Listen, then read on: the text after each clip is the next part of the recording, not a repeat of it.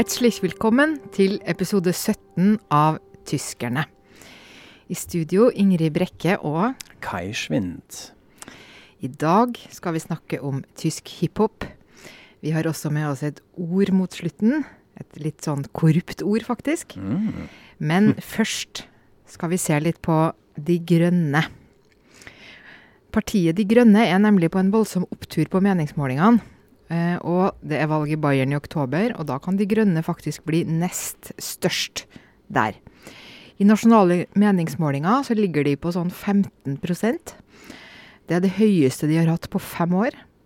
Og de har aldri vært så nærme eh, sosialdemokratene som de er nå. Det skiller bare 3% skyldes jo det litt at det går veldig dårlig for sosialdemokratene, men likevel. Og hva slags parti er nå egentlig De Grønne da, Kai? Er det raddiser og dagdrømmere?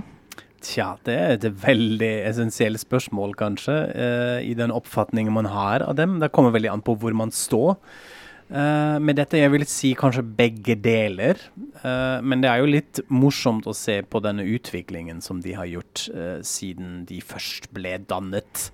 På slutten av 70-tallet, eh, var det vel. Eh, de er jo sånn sett uh, en, en forlengelse av borgerbevegelsen. Uh, kanskje enda lenger tilbake, litt sånn 68, studentrevolt-folka.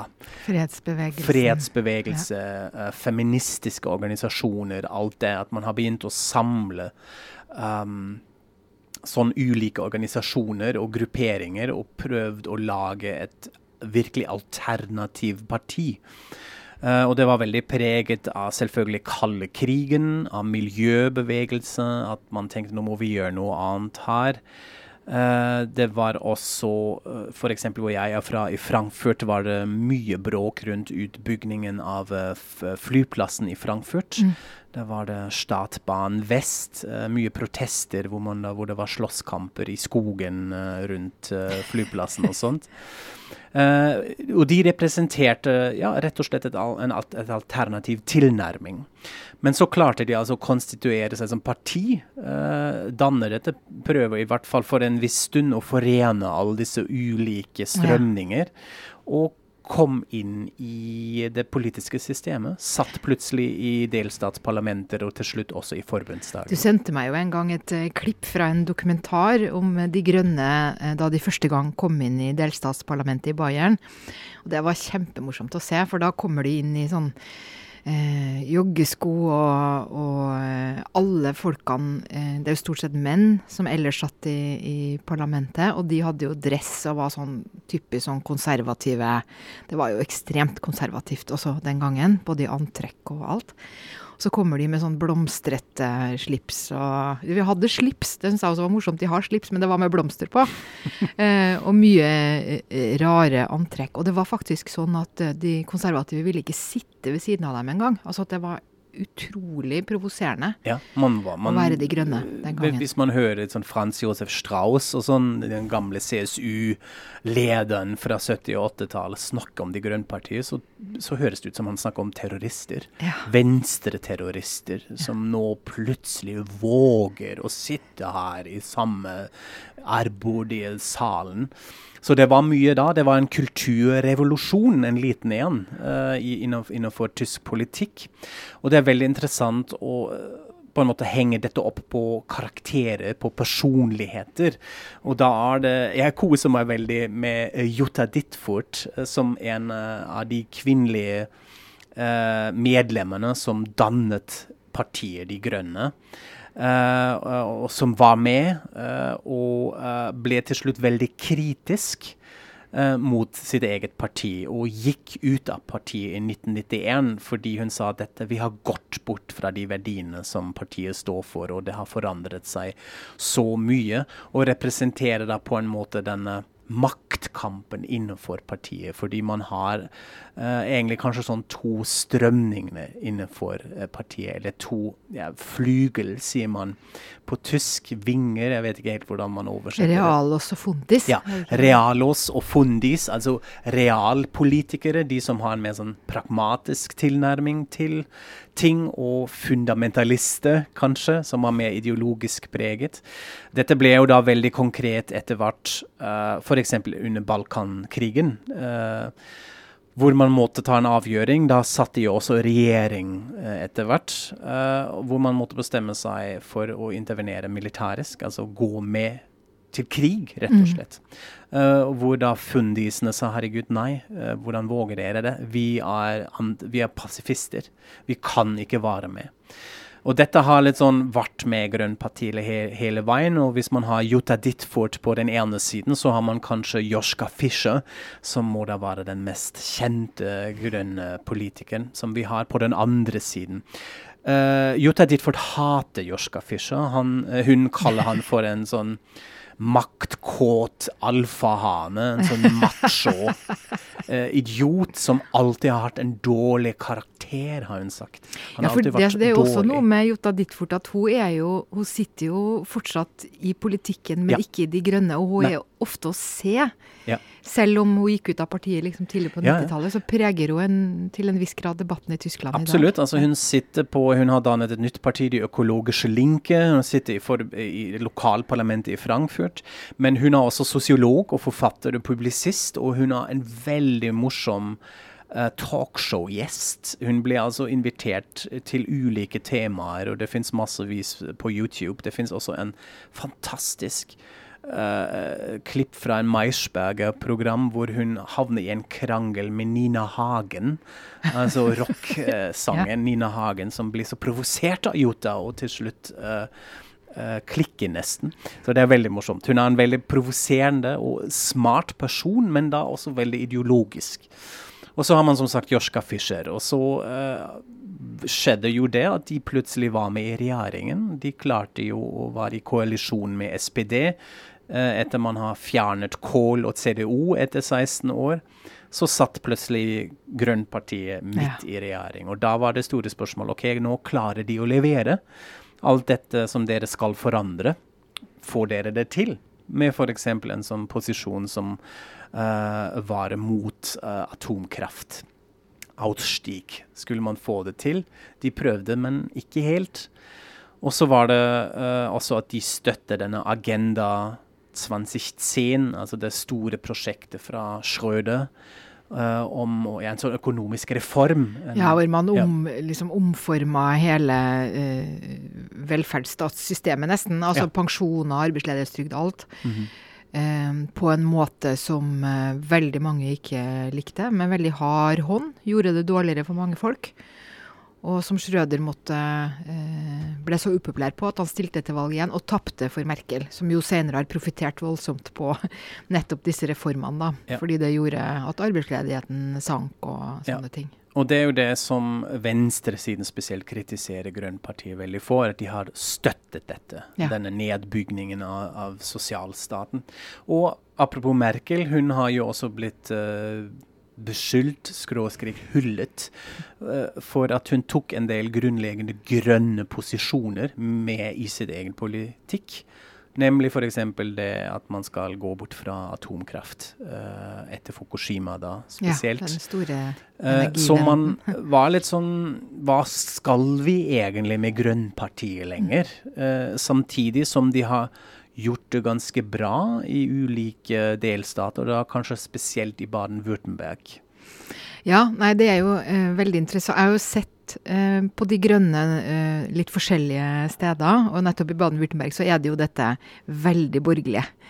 Og Winifred Kretschmann, som er da den første grønne statsministeren, han er i en delstat. Han er jo også veldig, veldig populær.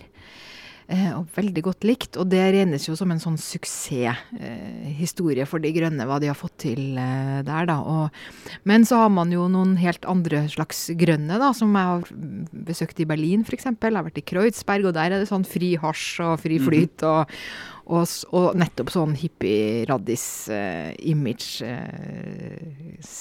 tenker jeg, da.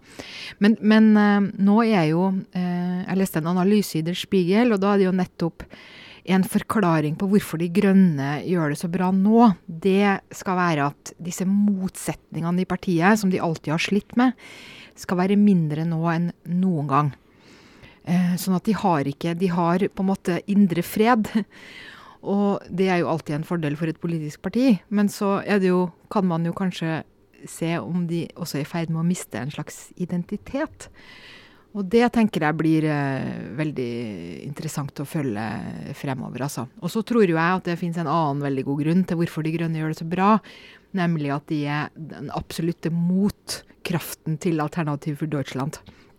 At uh, dette høyrepopulistiske partiet har egentlig ikke De Linke, som er det ytterste venstre partiet, som hovedmotstander, for de ligner på et vis, eller de konkurrerer om de samme velgerne, men De Grønne de er på en måte noe helt annet. De er sånn inni sjelen antiautoritære, eh, og virkelig erkeliberale.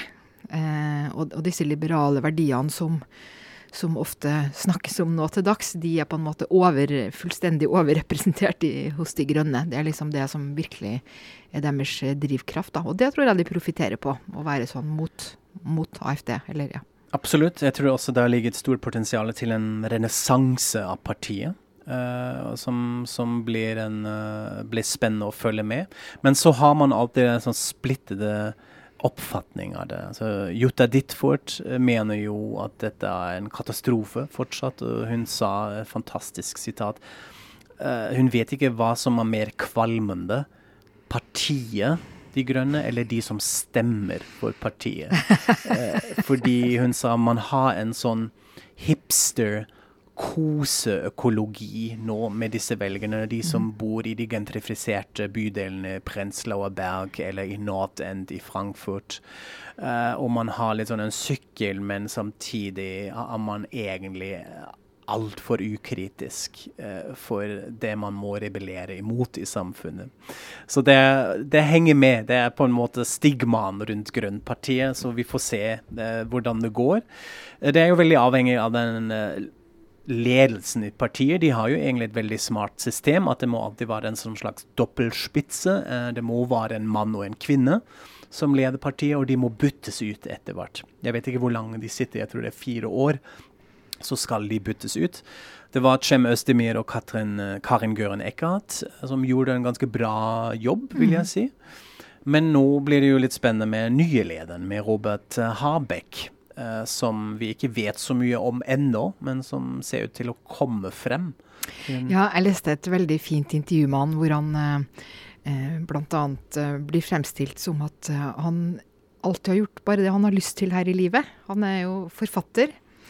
Og har liksom levd aldri hatt noe særlig fast jobb og vært litt sånn skrevet og, og øh, levd et sånt avslappa liv som kanskje alle drømmer litt om. Han har tatt, tatt drømmen helt ut. Og nå har han da gått inn i denne posisjonen. Og han er jo også inntil videre, eh, i hvert fall eh, miljøminister i Slesvig-Holstein. Eh, han skal vel slutte der for å ta denne partilederjobben på full tid etter hvert. Men, men, han er veldig godt likt, veldig populær. Veldig, han har en helt egen stil. Veldig uformell, annerledes. Ikke noe sånn typisk politiker.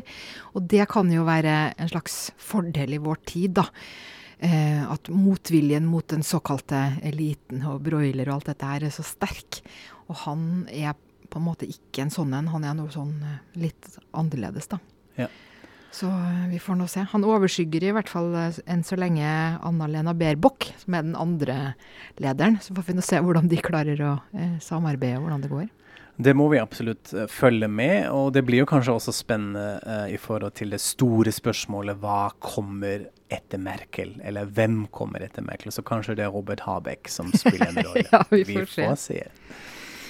Ja, da var det slutt for, eh, med politikken for i dag. Og så skal vi over i kulturens verden. Eh, for du, Kai, du har nemlig hatt så veldig lyst til å snakke om hiphop. Ja, yo-yo. Ja, og Hvorfor det? Hvorfor ja. nå? Uh, ja, godt spørsmål. Altså for det første hører jeg jo litt på det selv, uh, hiphop, uh, og da også litt tysk hiphop. Men jeg har også fått en del spørsmål rundt dette uh, fra nordmenn som begynte å lure litt på hva er det, er det Fins det? Har dere hiphop i Tyskland? Og så var det jo også en uh, skandale tilknyttet uh, tysk hiphop, som vi har snakket om her i, i podkasten yeah. før. Så jeg tenkte det kan være litt interessant å se litt på hva som skjer i Tyskland uh, i forhold til, til hiphop. Og da må vi kanskje gå tilbake litt sånn i tiden og se hvordan det hele starta, som er litt morsomt, egentlig. Nemlig i Stuttgart. Den kule byen Stuttgart. Kule hiphop-byen Stuttgart. Uh, I ja, midten av 80-tallet med et band som sikkert mange har hørt av, nemlig De Fantastischen Fire. Uh, som da gjelder, eller regnes som uh, det første bandet, første tyske hiphop-bandet. Uh, som er litt interessant, fordi hiphop i en sånn amerikansk kontekst har jo en helt annen konnotasjon. Dette er uh, black movement, svart musikk. Uh, dette er kanskje arbeiderklassen, fattige mennesker. I noen veldig også svarte afroamerikanske musikktradisjoner. men de fantastiske fire var jo kanskje motsatt. De var litt sånn fire snille middelklassegutter uh, som da skulle plutselig kle seg ut med baggy jeans og uh, caps. Rappa sånn. de på engelsk? Nei, de gjorde ikke det. Nei. Det er det. Uh, de begynte på engelsk. Det finnes sånne demotapes uh, på engelsk, men de begynte da å rappe på tysk. Aha. Første album, 'Vier Gewint', med en stor hit som mange kjenner til i dag, 'Dida' som er en sånn tulle-ordspillåt, egentlig. Dette er ikke noe særlig samfunnskritisk eller politisk. Dette er litt sånn leke med ord uh, og fortelle en liten pophistorie. Uh, og det fungerte jo også for mainstreamen. Altså de ble jo De opptredde jo i slagerfestivalshows og sånt. Uh, man syntes de var litt frekke og sånt. Uh, men dette fungerer jo, og man må jo le av dette når man ser på det i dag. Det som er litt interessant med De fantastiske fire, at de har klart å fortsette. De ble store, store stjerner i Tyskland. Det, Uh, kanskje sånn sett litt mer pop enn hiphop etter hvert. Men de klarte litt sånn å uh, oppfinne seg selv eh, igjen og igjen. Utvikle musikken og også da tekster, og se også veldig selvironisk for, på sin egen begynnelse. Ja.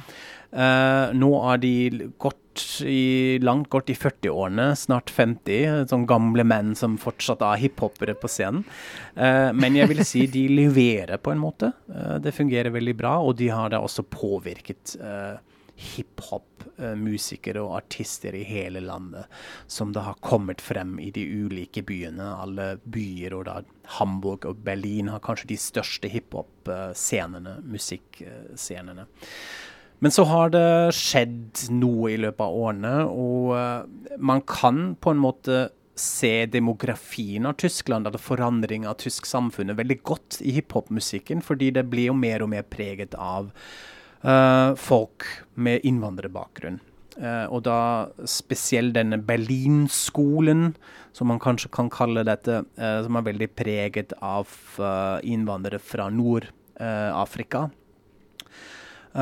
Og på godt og vondt kan man kanskje oppsummere dette. Uh, da er det kanskje en artist som heter Bushido. Som Han har selv jeg hørt om, faktisk. Det har du hørt om, ja. fordi det er veldig mye bråk rundt mm. Bushido hele tida. Ikke akkurat så mye nå, men litt sånn fire-fem år siden var det massevis. Fordi han provoserte med kvinnefiendtlige, homofobe tekster. Og så prøvde man å takle dette på en veldig tysk måte. Da ble han altså invitert til talkshows og måtte forsvare sin musikk mot kulturkritikere og feminister uh, som da leste tekstene høyt og lurte på hva mener du når du kaller kvinner for fitter, uh, og sånt. Uh, og det er litt sånn interessant. Jeg har ikke et sånn fasit på Bushido om han faktisk har noe å si om dette er en del av kunsten, at man provoserer, at man berører noen tabuer. Men han forandra seg ikke etter han hadde vært i talkshows og fått pedagogikkundervisning Nei. Nei. Ikke spesielt. Nei. Eller om han har bare oppfunnet et sånn oppskrift for å tjene penger med provokasjon.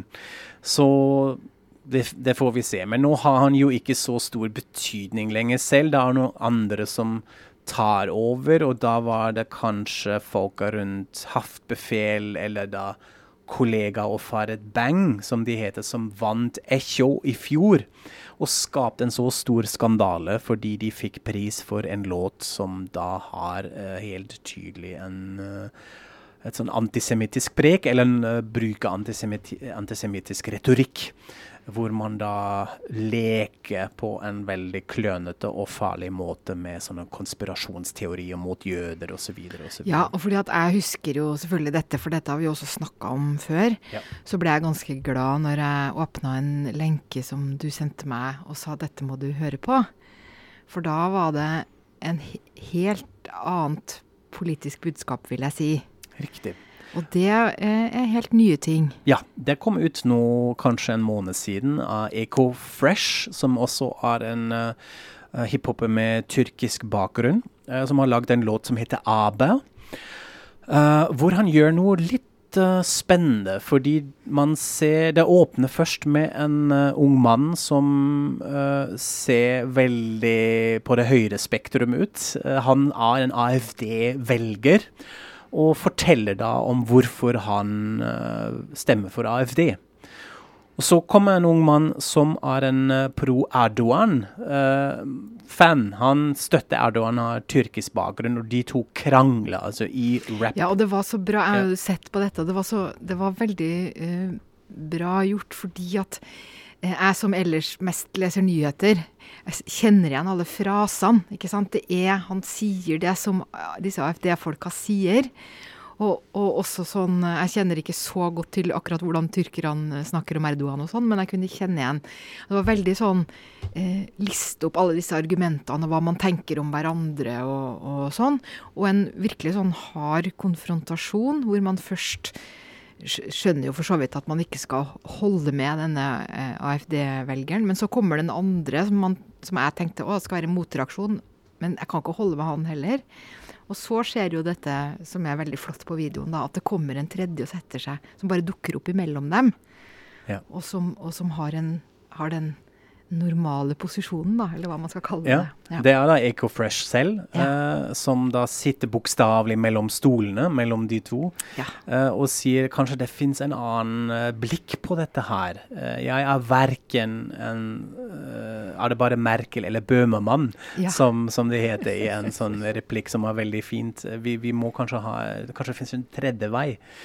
Og det er litt sånn både og. Det er på en måte litt sånn det vi kaller for gutmenschtum på tysk. Sånn veldig sånn gutmenschete, at man skal være veldig politisk korrekt. Snillismen. Snillisme, ja, fint. Sånn mm. moraliserende på en måte.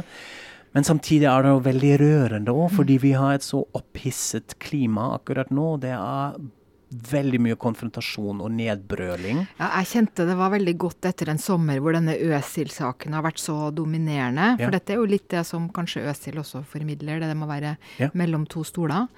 Og også, vi snakka jo i forrige episode om uh, alt som skjer i Chemnitz og Saksen og sånn, og da tenkte jeg sånn Vi trenger litt sånn som dette er, altså. Absolutt. Så det er en fin låt uh, som man kan kose seg med, og vi legger den ut på Facebook-siden uh, vår. Og så er vi veldig spent hva dere tenker uh, om AB av Eco Fresh. Jepp. Det var en liten runde om tysk hiphop. Ah, det var fint å snakke om det. yo, yo, yo, sier jeg en gang til. Men nå skal vi snakke om kanskje mer konvensjonelle ord i vår OS-spalte. og da har du noe.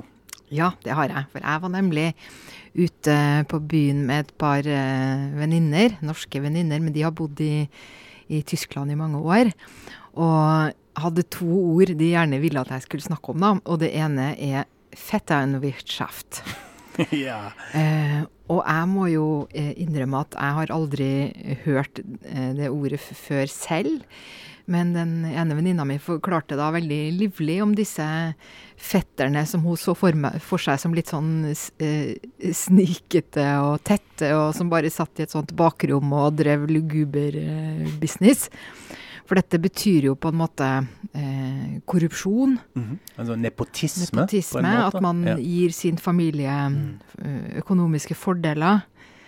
Eh, sånne ting. Ja, og det har jo eh, jeg syns et sånn bonsk, litt gammeldags preg. Fetten Fettern wirtschaft, altså bewirtschaften kaller man også når man styrer en gård. Ja, nettopp. Og, og det, det, minner meg litt om det der at man da jobber sammen og kanskje ikke betaler skatt eller hjelper hverandre for å få gården frem og sånt.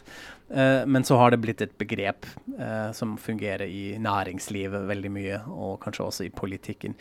Uh, jeg som barn trodde det het fettenwirtschaft, at det var bare tjukke mennesker som gjør et eller annet. fordi det ordet fetter er ikke så mye brukt i Tyskland lenger. Vi har jo cousin eller kusine og sånn. men det er et veldig fint ord. Helt, helt, helt, enig. Veldig konkret. Veldig Fint. konkret. Man forstår det, liksom. Ja. Ja.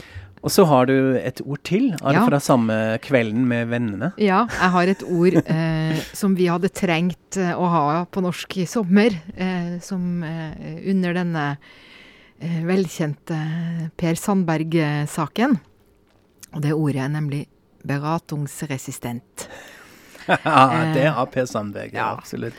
Nettopp sånn er han. Mhm. Og det betyr jo eh, motstandsdyktig Eller ja, motstandsdyktig mot rådgivning. Altså en som ikke tar imot råd, og alt bare preller av. Og det hjelper liksom ikke, da. Ja. Og det er jo fantastisk at det fins et så spesifikt ord, da, syns jeg. Ja, det er veldig bra, spesielt fordi det er nesten sånn altså, eh, Selv om du har mange folk rundt deg som mener vel, så klarer du ikke å lytte. Du kla eh, man vil ikke, med vilje, eh, nekter man å få gode råd. Eh, så det er et veldig fint, fint ord. Beratungsresistent, ja. Det er han eh, absolutt. Ja, to fine ord. Eh, kul samtale. Tusen takk, eh, Ingrid. Uh, vi gir oss her. Uh, sier også takk til dere som hørte på oss. Kom på Facebook for å høre Echo Fresh-låten og andre artikler og ting som vi liker å legge ut av. Like å dele, gi oss stjerner og gode anmeldelser på tvers av plattformer. Det blir vi veldig glad for. Og så høres vi snart. Takk for oss, og auf Wiederhören.